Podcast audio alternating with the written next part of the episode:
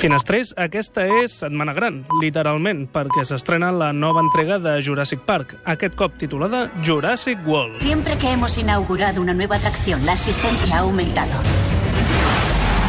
¡Qué pasada!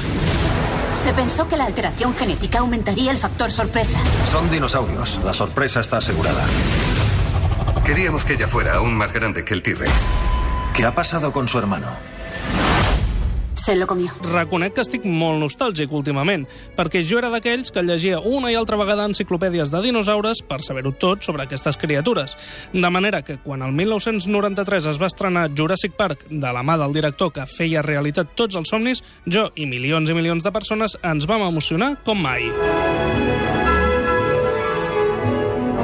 A l'espera que aquesta nova entrega no espatlli els bons records que la segona i la tercera van arribar a posar a prova en el seu moment, li dediquem a un clàssic modern com Jurassic Park, La dada de la finestra.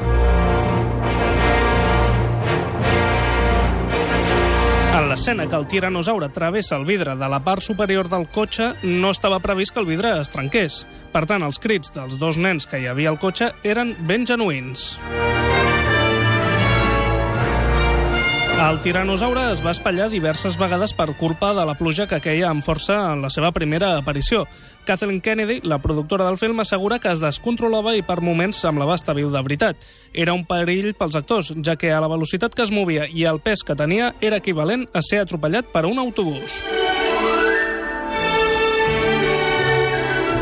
Minuts més tard hi ha un atac en aquella mateixa carretera en què veiem la imatge del tiranosaure apropant-se al retrovisor del cotxe que està escapant.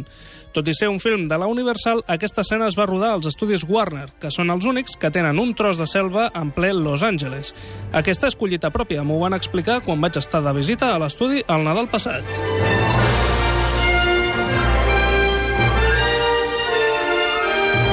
Els sons del tiranosaure són una barreja de gos, pingüí, tigre, cocodril i elefant. L'èxit d'aquest film va provocar que el següent any es batessin tots els rècords d'estudiants que volien fer paleontologia.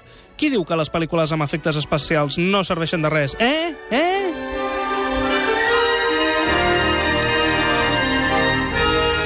Impacte més gran, Spielberg volia que els velociraptors fossin més alts del que en realitat eren. Durant la filmació, uns paleontòlegs van descobrir una modalitat d'aquesta bèstia del tamany que volia Spielberg, anomenats Utahraptors, de manera que no hi va haver cap transgressió científica. Steven Spielberg va començar a rodar a Europa la llista de Schiller quan aquest film encara estava en postproducció. Des d'allà rebia els muntatges via satèl·lit que eren supervisats a Califòrnia per George Lucas. El resultat va ser impepinable. Jurassic Park es va convertir en un dels films més vistos de la història i van sumar 10 Òscar entre les dues, 3 pels dinosaures i 7 pels nazis. Entre ells, el primer al millor director i a la millor pel·lícula per Steven Spielberg. La novel·la de Michael Crichton es va publicar el 1990, però la preproducció del film va començar un any abans, el 89, utilitzant només els manuscrits que els facilitava l'escriptor. El motiu és que la Universal havia comprat els drets de l'obra abans de ser publicada i ho va fer per la increïble xifra de 2 milions de dòlars. Com podeu imaginar, va ser més que rentable. Spielberg va rebre 250 milions de dòlars de benefici després de la seva estrena. Harrison Ford va refusar fer el personatge que interpretava Sam Neill. Realment li anava bastant bé, el tipus de personatge.